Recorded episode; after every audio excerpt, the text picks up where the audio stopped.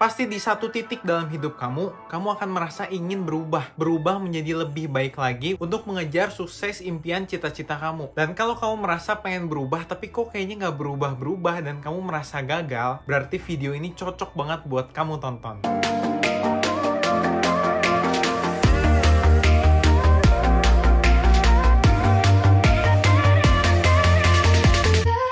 Halo Hero, salam kenal gue William, pendiri Unbelievable dan di channel ini gue bakal ngebahas semua hal tentang personal development yang pastinya bakal ngebantu kamu untuk menjadi sukses. Jadi jangan lupa di subscribe dulu. Gue sering banget ngedengar orang pengen berubah dan gue sendiri juga sering banget melakukan perubahan dalam hidup-hidup gue. Dan dalam kita merubah hidup kita, menambahkan kebiasaan-kebiasaan yang baru seperti olahraga, bangun pagi, kerja 9 jam tiap harinya. Jangan pernah kamu pengen ngerubah segalanya secara sekaligus karena pasti hasilnya akan menjadi gagal.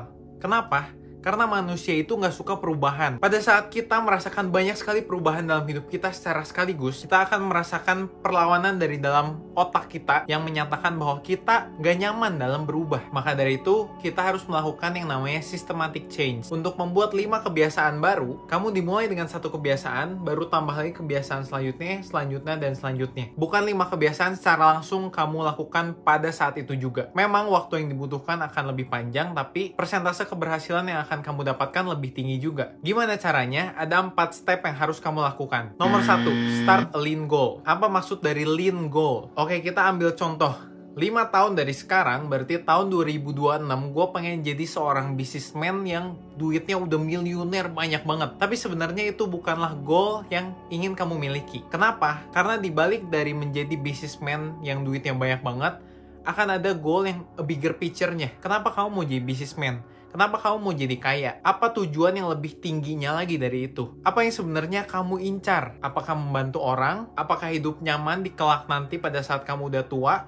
Apakah kamu ingin anak-anak kamu hidup tidak kekurangan? Terus coba kamu tanya lagi pertanyaan ini. Apakah bisnismen satu-satunya cara untuk mencapai goal itu? Kan bisa aja kamu jadi seorang pekerja di sebuah korporat besar, itu juga bisa mendapatkan banyak uang. Sehingga target menjadi businessman di tahun 2026 dengan duit yang sangat banyak ini cenderung lebih ke strateginya untuk mencapai goal yang lebih tinggi lagi. Nah, goal inilah yang harus kamu cari, lean goal ini, bukan mendapatkan banyak uang tadi. Untuk membantu kamu yang masih bingung goal kamu sebenarnya apa, coba kamu pikirin hal yang paling kamu hargai dalam hidup ini apa? Apakah kamu sangat mementingkan kebebasan atau kamu ingin masyarakat hidup jauh lebih baik? Nomor 2, keystone habit. Mulai bikin kebiasaan-kebiasaan kecil dulu aja yang bisa ngebantu kamu untuk mencapai cita-cita kamu. Pastinya kebiasaan kecil apa yang spesifiknya hanya kamu sendiri yang tahu. Tapi secara general, gue bisa memberikan kebiasaan seperti bangun jam 5 pagi setiap hari, olahraga setiap hari. Karena misalnya dua kebiasaan ini bisa ngebantu kamu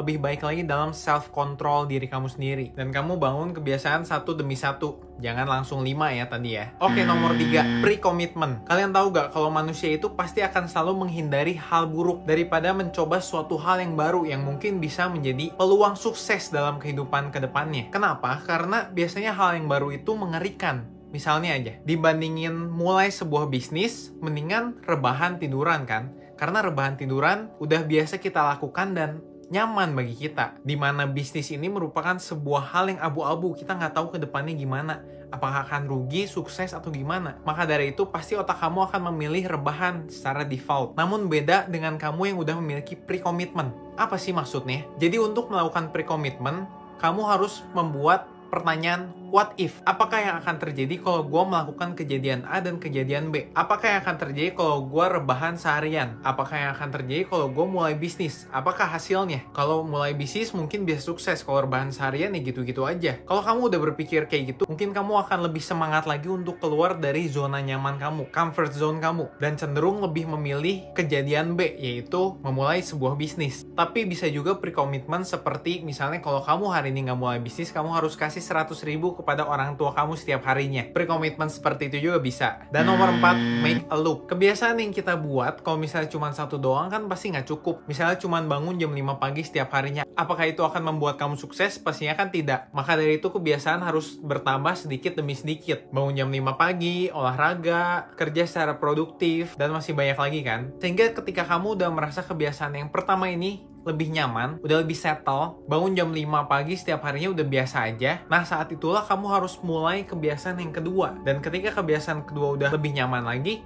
kamu mulai kebiasaan ketiga dan terus bertambah kebiasaan yang lebih baiknya lagi dan akhirnya tanpa disadari kamu udah memiliki kehidupan yang jauh lebih baik dari tahun lalu. Maka dari itu inilah pentingnya pengembangan diri personal development. Jadi biar lebih banyak lagi orang yang mengerti tentang hal ini, jangan lupa like, comment, subscribe, dan share. Dan terima kasih yang udah menonton. Sampai jumpa lagi di video selanjutnya.